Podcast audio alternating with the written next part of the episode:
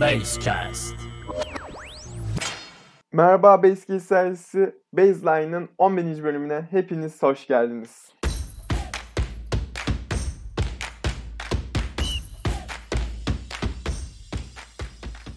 Evet 11. bölümde Final Four'u konuşacağım. Öncelikle Anadolu Efes'i tebrik etmek istiyorum. Ee, Bu kupayı tekrardan Türkiye'ye getirdiler. Cidden onları tebrik ederim. Organizasyonu tebrik ederim. Oyuncuları tebrik ederim. Hepsinin emeğine yüreğine sağlık öncelikle. Ve yani koç takımına da korktuğum koç ve koçun yardımcılarına da koç takım derken bunu demek istedim. E, Koç takımına da ayrı teşekkür ederim. Korktuğum hiçbir şeyi bana yaşatmadıkları için teşekkür ederim. Biliyorsunuz birçok korkum vardı Efes'e karşı ama bunların hiçbirini yaşatmadılar. Doğru yerlerde mola aldılar. Doğru yerlerde doğru şeyleri yaptılar ve e, bu kupayı getirdiler.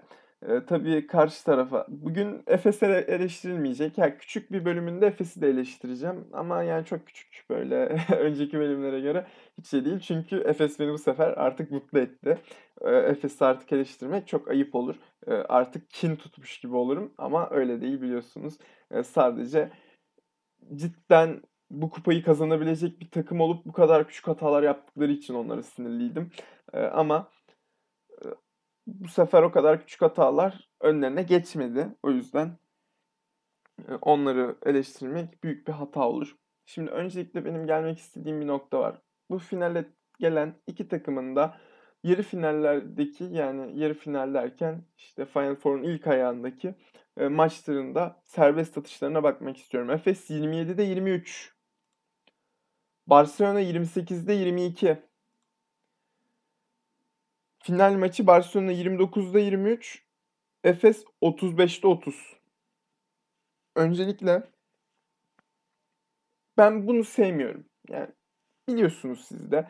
Ben bu tip maçlardan hoşlanmıyorum öncelikle. Efes kazandı ama ben kazandığım maçtan cidden Efes'in kazanması dışında hiçbir zevk almadım. Çünkü maç cidden seyir zevki olarak düşük bir maçtı bana kalırsa. Çünkü ne bir hareket gördük, işte ne bir mücadele gördük. İşte ikili oyunlarla iki takım da bir şeyler yapmaya çalıştı. Yapamazlarsa serbest atış almaya çalıştılar. Zaten hakemler em, emirlerini almadı. Hemen bir dokunma oluyor, hemen foul çalıyorlar. Cidden çok kötüydüler. Cidden çok kötüydüler. Bu yani Euroleague'in artık şuna bakması lazım ya. Her dokunmaya bir foul çalınmasına artık bakılması lazım. Çünkü bu artık haddini aştı bu olaylar artık. Yani her maçta görüyoruz. Yani bir tek artık biz sert oynuyoruz. Yani bizi böyle kabul edeceksiniz diyen takımlara karşı sert maç oynatıyorlar. Bu takımlar işte Bayern Münih, Zalgiris, zaman zaman Alba Berlin, zaman zaman yani ve Valencia. Valencia ve Baskonya'yı da yapıyorlar bunları. Yani bu, bu tip takımların maçlarının sert geçmesine izin sadece. Diğer takımların maçları o güle oynaya. Zaten Barcelona sezon boyunca güle oynaya. Hatta Anadolu Efes'te güle oynaya maç ya, oynadılar. Çünkü yani ne zaman sıkışsalar hemen foul alabiliyorlar. Mesela ben artık şu olaydan çok canımı sıkıyor. Yani bu ve bunu bütün takımlara çalıyorlar.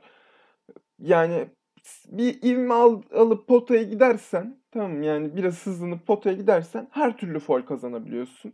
Yani o hareketin yani rakibin sana ne yaptığı ne ettiği falan hiç önemli değil. Sadece temas etmesi yeterli. Artık buna bir düzenleme gelmesi lazım. Yani bunu diyebilirim. Maçlar hakkında konuşmam gerekirse de tek böyle cidden zevk alabildiğim maç e, Barcelona Milano maçının sonuydu ve CSKA Milano maçıydı genel anlamda. En beğendiğim maç üçüncülük maçı oldu.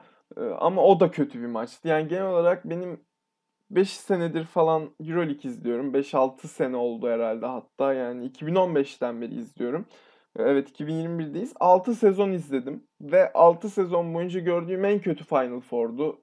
Yani ve şunu söylemek istiyorum öncelikle. Ben en kötü Final Four dedim diye e, Öncelikle Efes'in bu şampiyonluğu kazanmış olması değişmiyor. Efes bu şampiyonluğu kazandı, götürdü. Ee, En kötü Final Four olabilir ve kime göre en kötü Final Four? Bana göre en kötü Final Four. Belki de belki bazı insanlar çok zevk aldılar bu Final Four'dan ama ben almadım. Ben çünkü bu tip maçları sevmiyorum. Maçların böyle oynandığı e, şeyleri sevmiyorum. O yüzden ben yeterli zevki alamamış olabilirim kendi adıma. Ama buradan çoğu insan almış olabilir ama benim izlediğim Final Four'lar arasında en az zevk aldığım, en kötü bulduğum Final Four buydu. Sadece bunu e, eklemek istiyorum. Ve onun dışında yani ne diyebilirim diye düşünüyorum. Maçlar hakkında çünkü çok konuşmayacağım. Yani konuşmak istemiyorum maçlar hakkında çok fazla konuşmak. Ee, tekrardan Barcelona'ya şunu hatırlatmak istiyorum. Bu arada Barcelona kesinlikle sene yine çok büyük bir hedef olacak ama düzeltmeleri gereken iki şey var. Öncelikle artık hücum setlerini yani Yasikevicius artık Zalgiris'teki hücum setlerine döne, dönerse daha çok başarı sağlayacaklardır. Bir, iki bu kadar serbest atış atmaya devam ederlerse kaybetmeye razı olacaklardır. Çünkü o kadar serbest atış deniyorlar ki bir süre sonra bu onlara zarar vermeye başlıyor ve Barcelona Eurolig'in en pahalı takımıysa, en pahalı bütçesi ise e, serbest atış gibi e, tek sayılı atışlara mahrum bırak kalmamalı. Yani bırakılmalı değil, kalmamalı. E, yani her türlü kendine bir çizelge sunmalı yani. Hatta benim en beğendiğim bu sezon en beğendiğim takım Bayern Münih bile o kadar kötü olmasına rağmen hatta en büyük sayı kaynaklarından bir tanesi serbest atış olmasına rağmen bu kadar serbest atışa atmayan bir takım. Yani artık Yasikevicius bu konuda ne düşünüyordur bilmiyorum ama seneye daha farklı bir Barcelona izlemek isterim.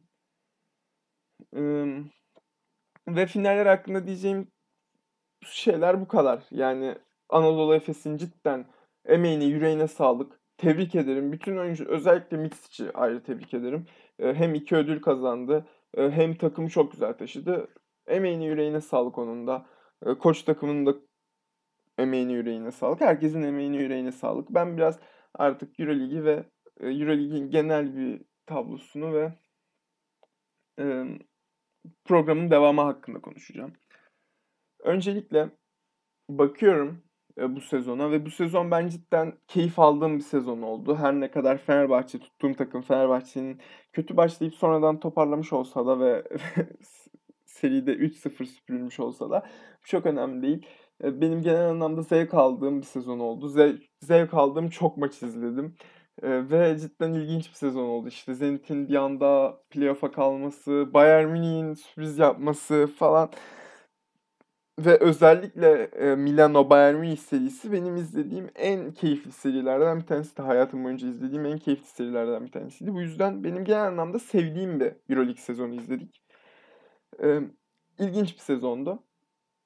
Sadece şu konularda biraz eleştirilerde bulunmak istiyorum Euroleague'e. Öncelikle hakemler yani şu foilleri bilmem neleri falan acilen düzeltmeleri lazım. Çünkü ya basketbol sert bir oyun ve ben bu sertliği görmek istiyorum. Ee, yani görülmeli bu sertlik. Öncelikle bu konular hakkında bir düzenleme getirilmesi lazım.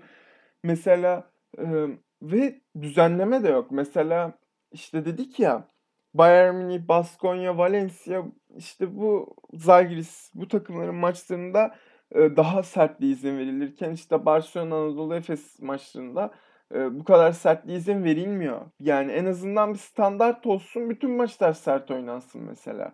Yani ya da bütün maçlar yumuşak oynansın hiç izlemeyeyim ben yani organizasyonunuzu. Ama kaçırdıkları bir şey var. Şimdi Euroleague yönetimi Euroleague'i biraz NBA'ye benzetmek istiyorlar. Yaptıkları en büyük hata da bu. Yani EuroLeague NBA değil. Yani EuroLeague NBA değil diye seviliyor zaten. Ben ben NBA izlemesini bilmiyor muyum izleyici olarak yani. Açarım lan senin 7'de 8'de oynattığın maçı izlemem. Açarım 4'te 5'te NBA maçı izlerim. Yani bu benim için çok büyük bir sorun değil. Nasıl olsa pandemi günleri de yani izlesem hiçbir şey değişmiyor. Zaten her gün kaçta kalktığım kimsenin umurunda değil. Yani bunların farkında olmaları gerek artık. Yani ben Euroleague sert oynanıyor. Daha setli yani daha takım oyunu oynanıyor da, diye daha çok izliyorum. Yani burada işte şov yapılıyor bilmem ne falan diye değil. Yani ben o şovu cidden NBA'in yaptığı o şov falan hiç umurumda değil yani benim.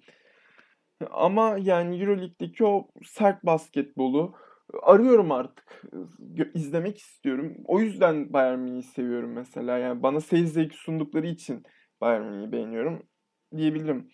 Ee, ve yani Euroleague'in acilen aklında başına toplaması gerek. Bu konular hakkında düzenleme yapması gerek. Yoksa çok büyük bir izleyici kitlesi kaybedecekler kısa süre içerisinde. Zaten takımlar Euroleague'de oynamaktan çok hoşnut değil. Panathinaikos falan yani köklü takımlar, Olympiakos gibi takımlar Euroleague'de oynamaktan hoşnut değil. Çünkü istedikleri parayı kazanamıyorlar Euroleague organizasyonundan.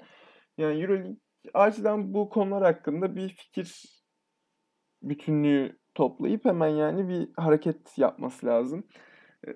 İkinci olarak yani Euroleague'de sezon içerisinde bir takım işte oyuncu verebiliyor, oyuncu şey yapabiliyor falan. NBA'ye mesela artık oyuncu göndermemesi lazım. Tamam. Ya sezon sonunda gitsin ya da sezon başında gitsin. Niye sezonun ortasında gidiyor mesela Campazzo falan, falan bu tip yani oyuncular niye gidiyor sezonun ortasında falan. Yani bu bunlar artık yine bir düzenleme getirmeliler. Yani genel anlamda bu bir sürü eleştirim var bu adamlara karşı ama yani aklıma gelen şeyler bunlar sadece. Kısa sürede. Umarım Euroleague'de bu şeylerin farkındadır. Son olarak programın geleceği hakkında cidden ne olacağını bilmiyorum. Şimdi ben aile evinde yaşıyorum şu anda ve ailemin evinde Euroleague maçlarını izleyebiliyorum. Ama eğer yani okullar açılırsa aile evinde yaşayamayacağım. Yani yaşamayacağım. Başka bir şehre gideceğim. Yani üniversiteler açılırsa ve e, maçları yeterince izleme fırsatı bulamayacağım büyük ihtimalle. Bu yüzden de e, devam etmeyebilir program. Ama yani devam da edebilir. Hiç yani kafam çok karışık bu konuda. Ne yapılır ne edilir belki yani e, yurtta değil evde kalırım falan bu tip şeyler düşünüyorum ama yani yine de bilemiyorum ne olacak. İzleyebilecek miyim maçları, takip edebilecek miyim sezonu? E, önemli bunlar. Yani bu da artık ne zamanın konusu? Yani Euroleague Eylül, Ekim gibi başlar işte. 4-5 ayımız daha var yani bunları düşünmek için. Diyebilirim. Yani 4-5 ayımız da yok. 3-4 ayımız var pardon. 3-4 ay sonra tabii ki bunların haberi gelir ama belki de bir daha hiç konuşulmamak üzere veda ediyorum bu programa. O yüzden biraz içimde bir burukluk var. Biraz üzgünüm. Ama yapacak bir şey yok. Yani hayatta bu hayatta da bunlar var. diyeceğim biraz klasik bir şey olacak. Ama öyle. Hayat dediğimiz yol böyle ve şu an bir şeylere veda etmem, bir şeylerin başlangıcı olabilir hayatımda bilmiyorum. Ee, beni dinleyen herkese çok teşekkür ederim. Eğer program boyunca 11 bölüm boyunca lisan ettiysem affola demek istiyorum. Ve son kez bir kez daha Anadolu Efes'i kutlamak istiyorum. Cidden bütün oyuncuların, organizasyonun, koç takımının emeğine, yüreğine sağlık demek istiyorum. Ve belki de son kez dramatize ettikçe de ediyorum olayı. Belki de son kez e, bu program adına şunları söylüyorum. E, bir sonraki podcast'ime kadar yaşamayı unutmayın ve kendinize dikkat edin. Şimdilik hoşçakalın. Basecast.